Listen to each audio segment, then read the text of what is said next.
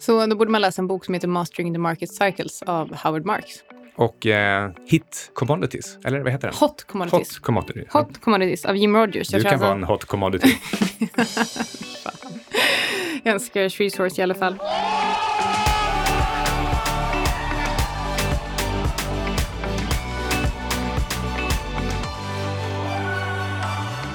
Hej Anna! Hej Carl Mikael Är du en outsider? ja, det är jag verkligen. Hur länge då?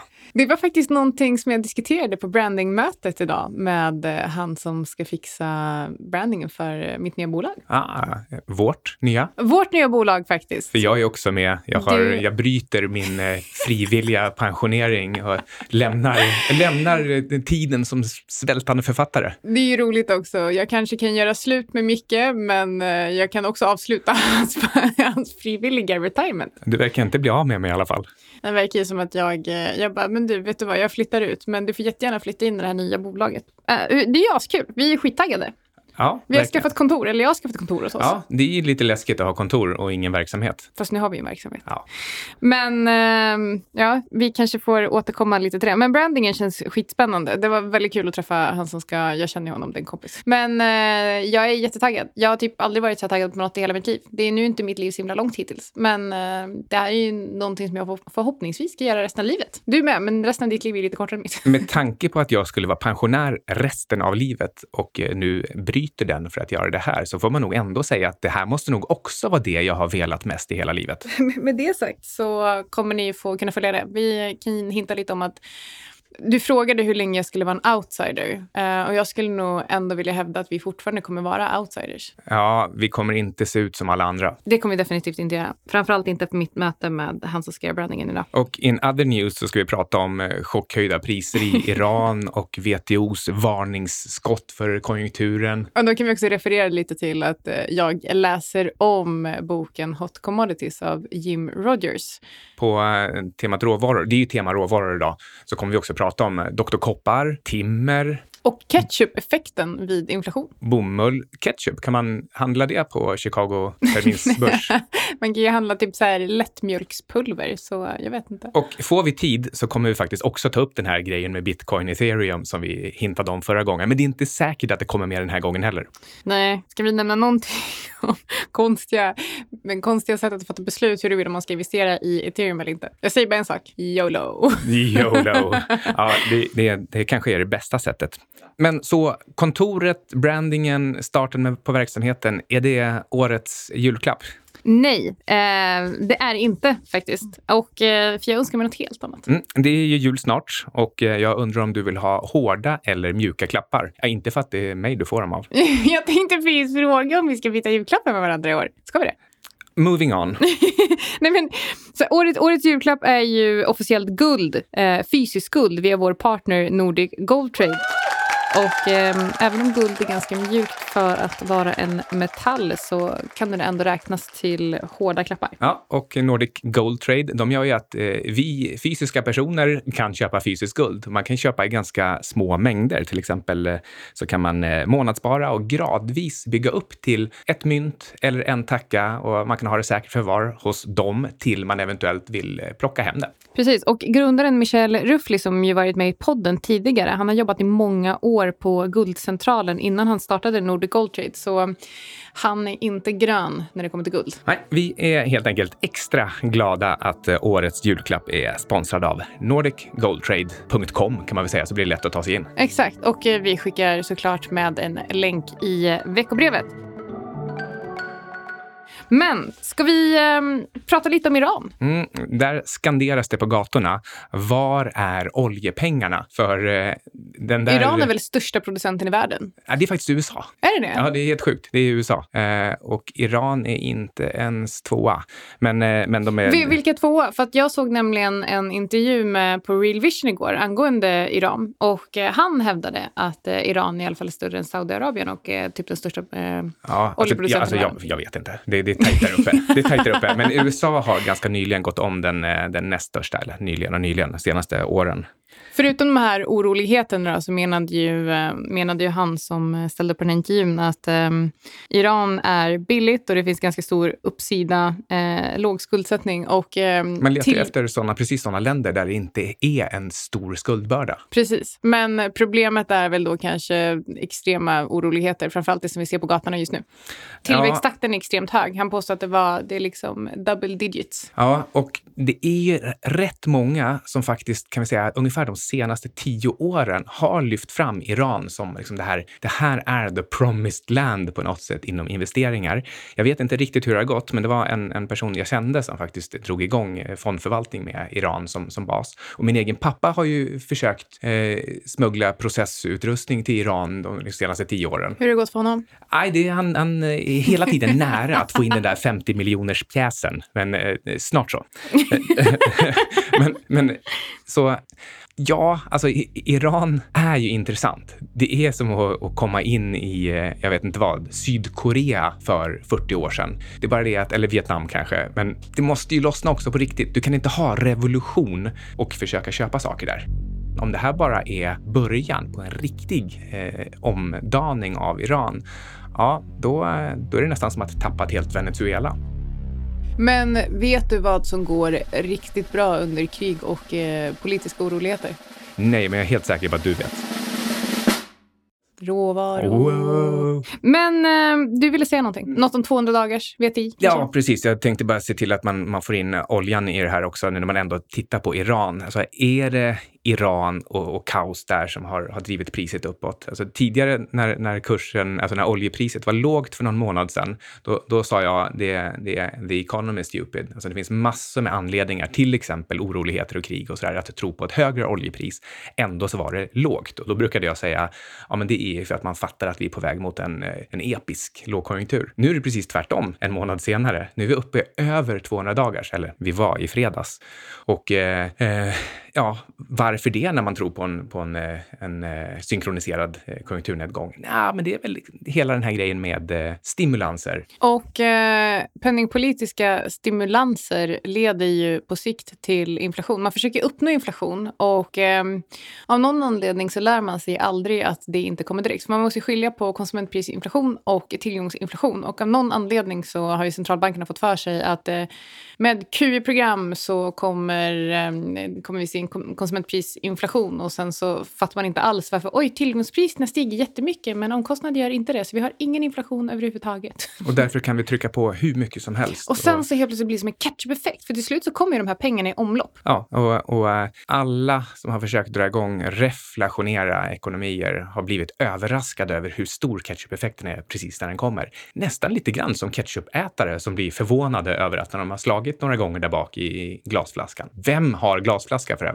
Jag undrar, så här, hur gammal är du? 47 eller? Så kommer allt på samma gång.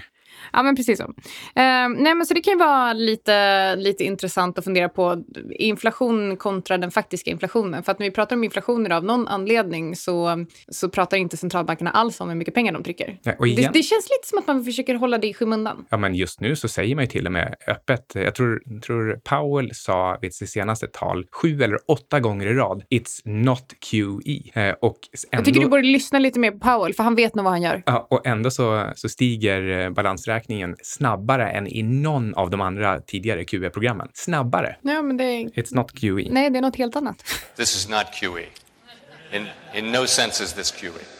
En, en, sak som de, eh, jag vet inte om de missar eller om det är by design, men eh, när tillgångspriserna stiger, då blir det lätt för tillgångsägare, alltså bland annat husägare, att använda huset som en bankomat. Och den här bankomateffekten gör att man inte behöver särskilt mycket högre löner. Och det kan också vara så att det suger till sig investeringspengar, att man hellre investerar än konsumerar, vilket ger en, en double whammy-effekt. Så lägre löner och mindre efterfrågan på konsumentvaror. Alltså delvis så. Och sen vänder det där till precis motsatsen som, som du bara öppnar dammluckorna och när tillgångspriserna väl faller, då blir det tvångsförsäljningar, du får ut mer kontanter, du måste ha högre lön för att kompensera ja, och, och då går det snabbt. Men eh, vad, vad ska man göra då? För att svaret är ju som vanligt i den här podcasten Köp råvaror. Och eh, ska man göra det nu? Liksom? Ja, men jag tror det. Det är, väl, det är väl flera råvaror som eh, ser ut att ligga i startläge och en del, en del bättre än, än andra. Um, nu eh, jag tänkte väl egentligen ungefär här ta upp bomull. Bomull är en sån som är i negativ trend, har fallit ganska ordentligt på sistone. Då kanske det snart börjar Börjar bli dags för bomull att göra en comeback. På det här temat så är Outsiders denna vecka sponsrade av Charles Hill. Och eh, de tillverkar sängkläder eh, gjorda av egyptisk bomull av absolut bästa kvalitet. Eh, och de är, alltså Charles Hill är så självsäkra, alltså de ger oss inte oss något manus utan bara säger att testa och berätta vad ni tycker. Och eh, jag älskar mina sängkläder. Det gör Capex också och eh, även, eh, även en annan person. Och det märks att Charles Hill är ett high-end-märke. Och eh, jag tycker faktiskt det är rätt trevligt också att sängkläderna sys upp av ledande producenter i Portugal med fokus på hållbara produktionsmetoder. Känns modernt. Och eh, tack vare att Charles Hill jobbar utan mellanhänder så blir de också extremt prisvärda. Så det är halva priset jämfört mot eh, jämförbara märken. Och bomullspriset har ju dessutom varit en riktig björntrend på sistone, precis som Micke sa. Och eh, det har alltså gjort att det har varit eh, gett ett ganska bra läge att eh, fylla på sovrumsportföljen innan man kanske också fyller på sin andra portfölj. Så eh, fysiskt bomull alltså. och, och, jag har sovit i Charles Hills varenda kväll sedan jag kom hem från Los Angeles. Så det är ungefär en månad. Och eh, på den här tiden så har då min, eh, min genomsnittliga sovtid har från oktober till november gått upp från 7 timmar 2 minuter till 7 timmar och 48 minuter. Så det är mer än 10 procents avkastning. Det är det sjukaste jag har hört. Så, och, jag, jag tycker ju att alla borde få uppleva den här skillnaden. Så ja, det, det är läge att gå in på Charles Hill. Om du också vill sova 10% mer varje natt, det kanske man faktiskt behöver under det här höstvintret, så kan du använda koden outsiders för då får du ytterligare 15 rabatt. Så det finns eh, egentligen ingen anledning att tveka om du vill ha lite extra bomull i portföljen. Nej. Och eh, avkastningen är omedelbar. Så tack, tack. Charles Hill. Charles Hill.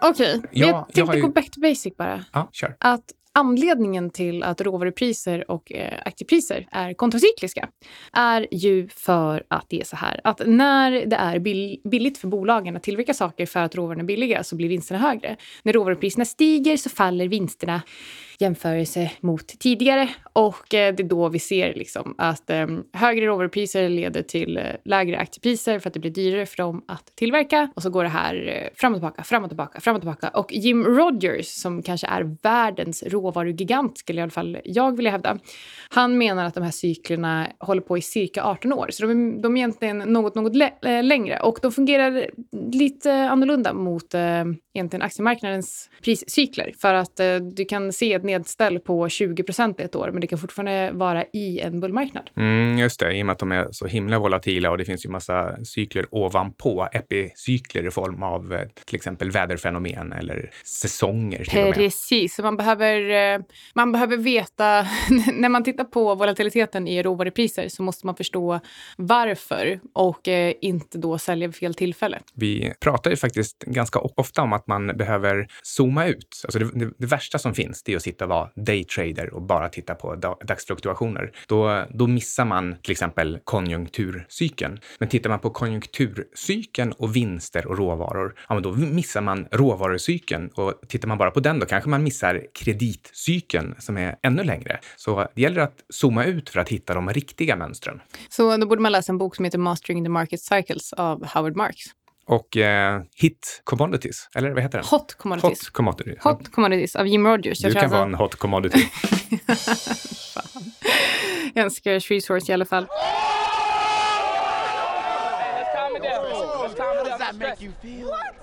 Det jag ville säga om de här 18-åriga cyklerna är att när vi har sett en, och det var en, en sak som du och jag diskuterat rätt mycket när det kommer till guld och guldinflation. Det är att, eh, när läste du senast om att man slängde upp en ny bomullsplantage? Nej, det har jag nog aldrig läst om. Nej. Eller liksom andra typer av eh, liknande plantager som säljer Och det är ju självklart så att om man, om man ser att priserna stiger någonstans så är det klart att man vill tjäna pengar där. Och det är precis på andra hållet också. Om priserna faller någonstans så ser ser man inte vidare affärsmöjligheter. Vilket innebär att det startas inte så mycket nya plantager. Det är inte som så att eh, bönder och företag flockas kring produktion av jordbruksråvaruprodukter. För det har inte funnits mycket pengar i det. Och till slut så kommer man till en gräns där produktionen understiger eh, efterfrågan och då börjar det om igen. Och ungefär är vi, där är vi nu menar alltså Jim Rogers. Förstår du hur jag menar? Ja, beror liksom cykeln, är det bara lite otur att den blir 18 år? Eller kan man kanske till och med se det så som jag gissade innan, att eh,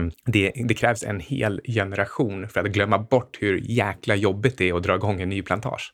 Oklart om det finns någon korrelation, om det är korrelation eller kausalitet. Och eh, jag tror väl kanske inte att man ska spekulera i det. Men, eh, men han räknar med ungefär 18-åriga cykler. Vi har ju diskuterat lite så implicit olika saker som påverkar råvarupriserna och det är, eh, vi har väl inte riktigt tagit upp krig, men det här inbördeskriget som är på gång i Iran kanske kan räknas. Och det, det verkar ju vara bull för oljan och krig generellt sett har väl alltid varit bull för råvaror. Det, det går åt mer och det är svårare att producera. Ja, Ja precis. Det, det går åt mer, det är svårare att producera eh, och det är det som driver priserna. Det är liksom inte så mycket svårare än så. Och sen är det också som så att eh, förutom att det är svårare att producera så blir det mindre investeringar eftersom att det kanske blir ett svårare klimat för företagen. Vilket också skapar större obalans i tillgång och efterfrågan. Och där någonstans kanske man kan eh, liksom plocka in, om vi pratar om investeringar, svårare eller lättare att investera, så har vi ju kreditcykeln plötsligt. Liksom den här riktigt långa, eh, de här ränte, räntecyklerna och eh, lånebördecyklerna. Och är det låg, låga lånebördor och låg ränta, då borde det ju vara lite större motivation att starta saker. Eh, och då blir det snart lägre priser. Men hur är det nu egentligen? Nu har vi stora skuldbördor. Det borde göra det svårt att dra igång nya plantager till exempel. Så det borde kunna vara ett läge för högre priser, det vill säga att man skapar mindre utbud. Jag hade en eh, poäng med min ketchup-effekt och inflation också. Inflation är också någonting som verkligen driver på råvarupriserna. Så om vi nu faktiskt har tryckt massa pengar i några år och eh, försökt driva på inflationen, vilket har lett till tillgångsinflation, men vi har fortfarande inte sett den här effekten i konsumentprisinflation, då är det nog definitivt så att eh, det kan vara ett ganska bra läge att köpa råvaror just för att man kanske vill eh, eh hedga mot eh, inflation. Mm, det är verkligen ingen tvekan om att det finns eh, mer pengar än någonsin och tillgångar är mer värderade än någonsin. Så skulle det här börja läcka över så då, ja, då, menar, råvaror är inte en jättestor tillgångsklass. Så, så då kan det verkligen finnas uppsida. Och det kan man ju sett historiskt att när de väl rör sig, då är det, det är många hundra procent. Ja, verkligen. Men eh, än så länge så har det här handelskriget mellan Kina och USA faktiskt inte lett till några positiva effekter för världshandeln. Nej, det är, ja, precis. Um, ehm, WTO, World Trade Organization, de släppte en rapport i måndags och uh, då har de en sån här liten indikator, en, en eh, röd, grön, gul pil som säger hur det ser ut och eh, den pekar på, eh, de kallar det för en plunge resten av kvartalet. Alltså, så det, jag tolkar det, översätter det som en fortsatt kraftig nedgång. Och det här beror ju just då på eh, handelskrig, Brexit, oro, tullar eh, och även säger de själva att eh, man, de ser framför sig en, en global eh, konjunkturnedgång. Men sen en liten sådär sak som visar att de, de ligger ett steg efter är att de eh, de, pekar på skift skiftet i penningpolitik och då menar de ett skifte åt det hawkish hållet. Så de har ju liksom inte, det här är ju septembergrejer, så de ja. har inte hunnit med i att nu är vi ju redan igång och stimulerar med, för full kraft igen. Men det som jag funderar på då är att när handeln mattas av så är det ju fortfarande så att länder som egentligen är beroende av import, som inte handlar lika mycket, till exempel Kina, mm. till slut så sinar ju lagren. Mm. Det, kan inte det också leda till en typ av catch-up-effekt? När man försöker hålla ut det så, himla, så länge, så länge som möjligt. Och sen så drar man det så långt att det blir liksom som en gummibandseffekt. Jo, men precis. Och, och jag tror att det här kan vara förklaringen till att vi ser en del sådana här tvärtom-effekter i marknaden hela tiden. Dels så anticiperar marknaden att, eh, att det kommer motåtgärder och då hoppar man på effekten som motåtgärden skulle gett. Då hoppar man på den direkt. Och sen finns det också den där fördröjningseffekten som du säger, att man, att man hamstrar eller, eller äter upp av sitt lager till det inte håller längre. Precis, och eh, så jag tror, och det här stämmer också överens med vad Jim Rogers skriver i Hot Commodities. Och det är liksom så här, var inte den som tror att du var för tidigt eller för sent in i en kommande bullmarknad, utan ehm, utan fundera verkligen på vad det är som kortsiktigt driver priserna kontra långsiktigt. Och kortsiktigt så är det verkligen det är det här handelskriget. Så det är lite att man försöker utmana varandra, lite att man försöker ta ut varandra. Men eh, jag tror inte att det långsiktigt kommer ha en negativ effekt på, på jordbruksråvarupriserna. Det är min personliga åsikt, kanske jag ska tillägga. Mm. Ingenting jag har sagt i den här podden är rekommendation. Ja, nej. Så, Eh, så vad jag vill säga är att eh, jag äger sojabönor till exempel. Ja. Och eh, tror att det kan vara ganska bra på, på lite längre sikt. Och du äger väl även kaffe, men det är klart, det påverkas kaffe- inte på ja, samma så här, sätt. jag har ju varit eh, kort och lång kaffe fram och tillbaka. Eh, och eh, det finns fortfarande inget fundamentalt som talar för att eh, kaffepriset ska stiga. Så jag vill vara tydlig med det. Men däremot så tror jag att vi kan se en liten uppstuds i priset väldigt kortsiktigt. Och nu, så nu pratar jag liksom några veckor till någon månads sikt. Mm. Men eh, längre sikt än så så hade jag fortfarande varit eh, kort kaffe. Eller neutral. För det den är ganska pressad priset. Så det finns inte supermycket nedsida, men inte jättemycket uppsida heller. Ja, okej, Eh, så kaffe är lite komplicerat fram och tillbaka, men sojabönor, där är du mer liksom, tydligt långsiktigt eh, bullish. Exakt, samma sak med kakao. Mm. Och Eh, har kakao också att göra med till exempel Inte? Kina, nej, inte Kina och USA. Det är mer att eh, det, det blir svårare att producera. Jag tänkte att vi kanske skulle gå vidare och titta lite på några enskilda råvaruaktier. Inga liksom sådana superoväntade, men det blir Rottneros och Gran Colombia. Men, eh, men innan eh, dess ska vi ta upp en, eh, en annan träprodukt när vi ändå är inne på timmer och massa. Du är mer långsökt idag än någonsin. Det här är ju liksom hela, hela, hela min person. Jag fungerar så här. Och, Träaktig. ja, och, och, och, och det är så här. Om man vill vara klok som en bok, då ska man klä sig i lyocellkläder. Och vilken slags bok är det? Trädet? Är det för att du är eh, bullish timmerpriset, eh, timmerpris efter årets husning? Alltså jag blir så glad att höra att du är påläst på timmerpriserna och vet att de har rusat. Och eh, ja, det är ju så att jag använder vår sponsor CDLPs strumpor och kalsonger. Och de är ju faktiskt eh, gjorda av trä. De är, de är dessutom lika mjuka och mysiga som de är miljövänliga. Eh, och eh, ja, det, det är faktiskt bok de är gjorda av. Även, även eukalyptus. Okej, men eh, CDLP är ju ett premiummärke för underkläder. Ehm, och det är väl bra för dig nu när du är singel? Eh, ja, det är väl ett eh, måste. Jag kommer inte undan. Men eh, om eh, ni som lyssnar också vill, eh, vill testa de här så kan ni använda koden outsiders på cdlp.com eller i butiken som ligger precis vid Stureplan. För då får ni 10% på till exempel vinterfavoriten långkalsonger. Och eh, kolla in dem på Instagram. Det är sexigare än vad, vad långkalsonger låter. Mm. Det går som sagt också bra att handla i butiken även i NK i Stockholm eller Göteborg och som sagt också på Stureplan 19. Så använd koden outsiders för 10% på märket som har ritat om kalsongkartan från grunden. Och du bara måste testa trepack kalsonger eller fempack eh, strumpor. Och strumporna de är antibakteriella och eh, antilukt. Tack CDLP. Vi ska inte glömma vår eh, editör Alexander Marton heller som ser till att det här avsnittet faktiskt håller ihop. Vi har aldrig behövt honom så mycket som idag. Eh, Men det råvaror är svårt. Det finns så många olika råvaror, de påverkar så mycket olika saker, uppenbarligen. Eh, Och då hoppar vi från CDLP till Rottneros. Till skogen. Mot kör mot skogen!